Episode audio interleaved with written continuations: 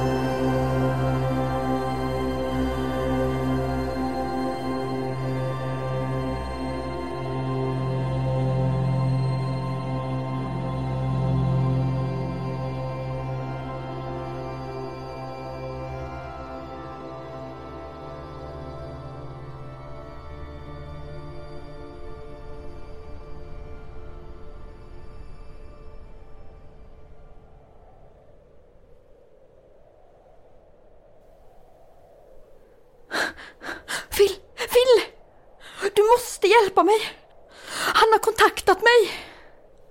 Har Julius kontaktat dig? Ja, han har skrivit brev! Titta! Det var mystiskt. Är du säker på att brevet är på riktigt? Vadå på riktigt? Jag håller ju i det! Du ska inte underskatta hjärnans illusioner. Tog du medicinen som grosshandlaren hade med sig? Ja, jag har inte ont alls! Det var märkligt. Det skulle ju teoretiskt sett vara möjligt för Julius att tränga sig igenom det rent audiovisuella fenomenet och börja uppenbara sig i mer fysisk form. Men det är nog väldigt svårt och extremt sällsynt. Men hur vet du allt det här? Jag har studerat oförklarliga fenomen på nära håll. Vad för fenomen? Paranormala fenomen. Men vad menar du med det? Spöken. Spöken? Ja, spöken. Skulle... sk- Skulle Julius? Ja, Aldrig, aldrig! Det är isoleringen! Det är isoleringen!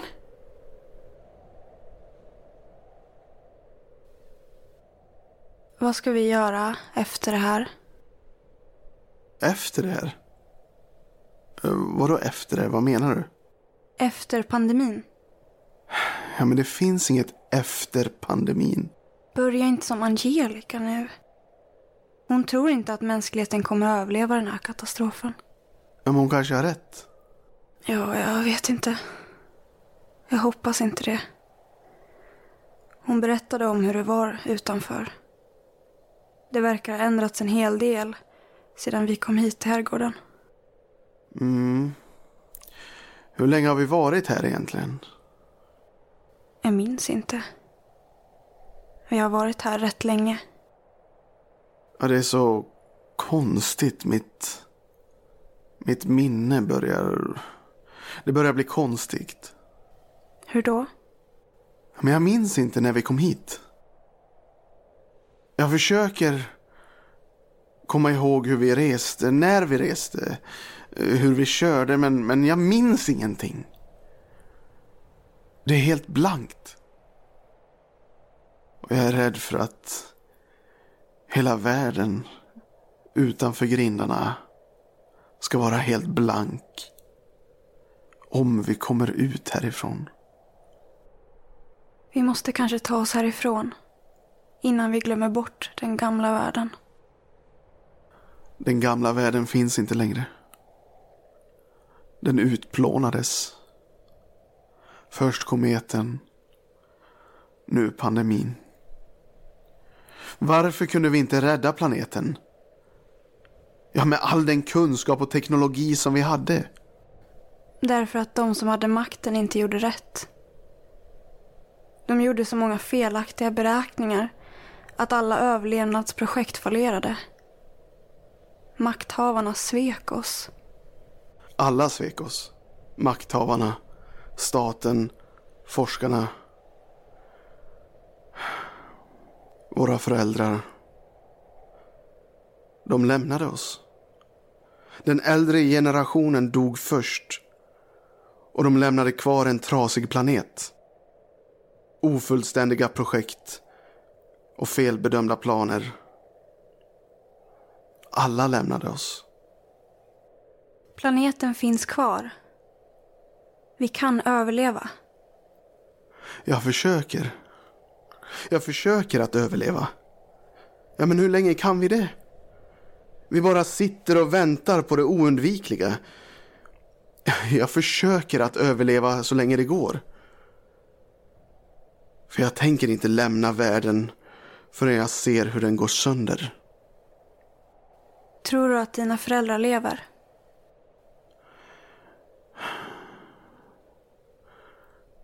Ja, jag hoppas det. Dina föräldrar då? Jag vet inte. Jag vet inte om jag vill veta. Men varför håller du kontakt med sjukhuset då? Ja, jag vet inte. Plikt. De är mina föräldrar. Men du behöver inte tycka om dina föräldrar. Nej, jag vet. Saknar du dem? Nej. Saknar du dina? Ja, Varför? det finns så mycket jag vill fråga dem om. Varför de försvann. Och varför de lämnade oss kvar. De blev väl evakuerade? Jag tror det. Jag vet inte. Jag tänkte på det för någon dag sedan. Hur jag besökte deras hus, mitt barndomshem. Och så skulle allt vara som förut. Men det var inte som förut. De var inte där. Huset stod i ruiner. Kometen slog ner i närheten. Kometen slog ner i närheten. Allt inom en viss radie blev till ruiner. Jag vet inte varför jag började tänka så. När jag tänkt på mammas och pappas hus tidigare har det alltid sett ut som det brukar. Mitt barndomshem. Som i en fantasi. Och nu ser jag bara ruiner. Och i fjärran ser jag den stora nedslagskraten. De kanske inte klarade sig. Jag... Jag har inte tänkt på det. Jag har alltid förutsatt att de klarade sig. Jag vågar inte tänka något annat.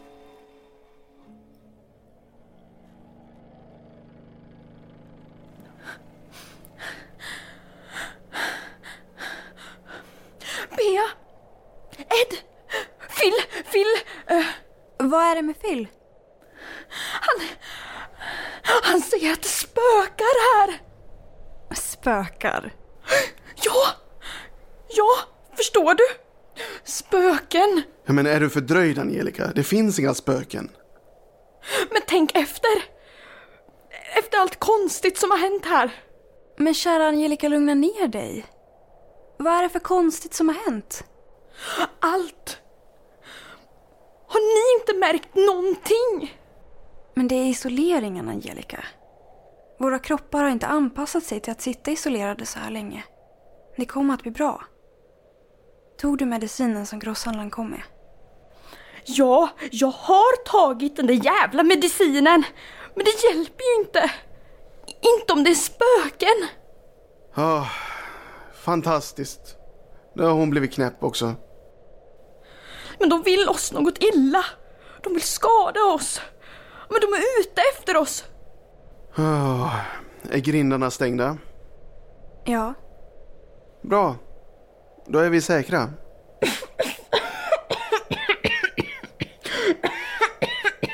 Nej, nej, nej. Det farliga finns inte utanför grindarna, utan här innanför. De vill mörda oss. De vill massakrera oss. De vill lemlästa oss. De vill stycka upp oss i små bitar.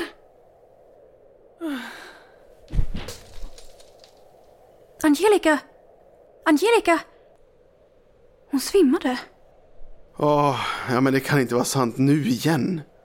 Ja, hon klarar verkligen inte av isoleringen. Känner inte du också av att någonting konstigt håller på att hända? Jo, men inte är det spöken inte. Nej, men våra tankar. Hur vi tänker. Hur tankarna rusar iväg allt mer. Det är som om det blir svårare att tänka logiskt. Allting känns förvridet. Som om våra tankar blir allt mer förvridna. Det känns som om det är någonting. Men, men det är isoleringen. Det är isoleringen. Ja, ge mig lite av de där medicinerna som grosshandlaren kom med. Så blir tankarna lugnare. Angelica då? Ah, Ja, men hon vill bara ha uppmärksamhet. Vi lyfter upp henne på soffan så får hon vila där över natten.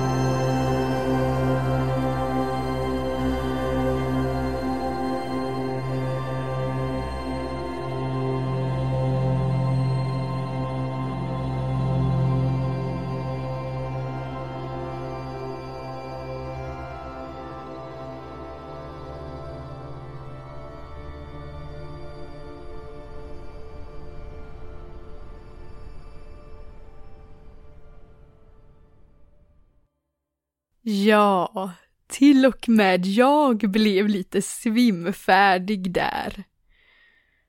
Spöken månntro? Ja, då får de ringa in några spökjägare. Jag har några jag kan rekommendera.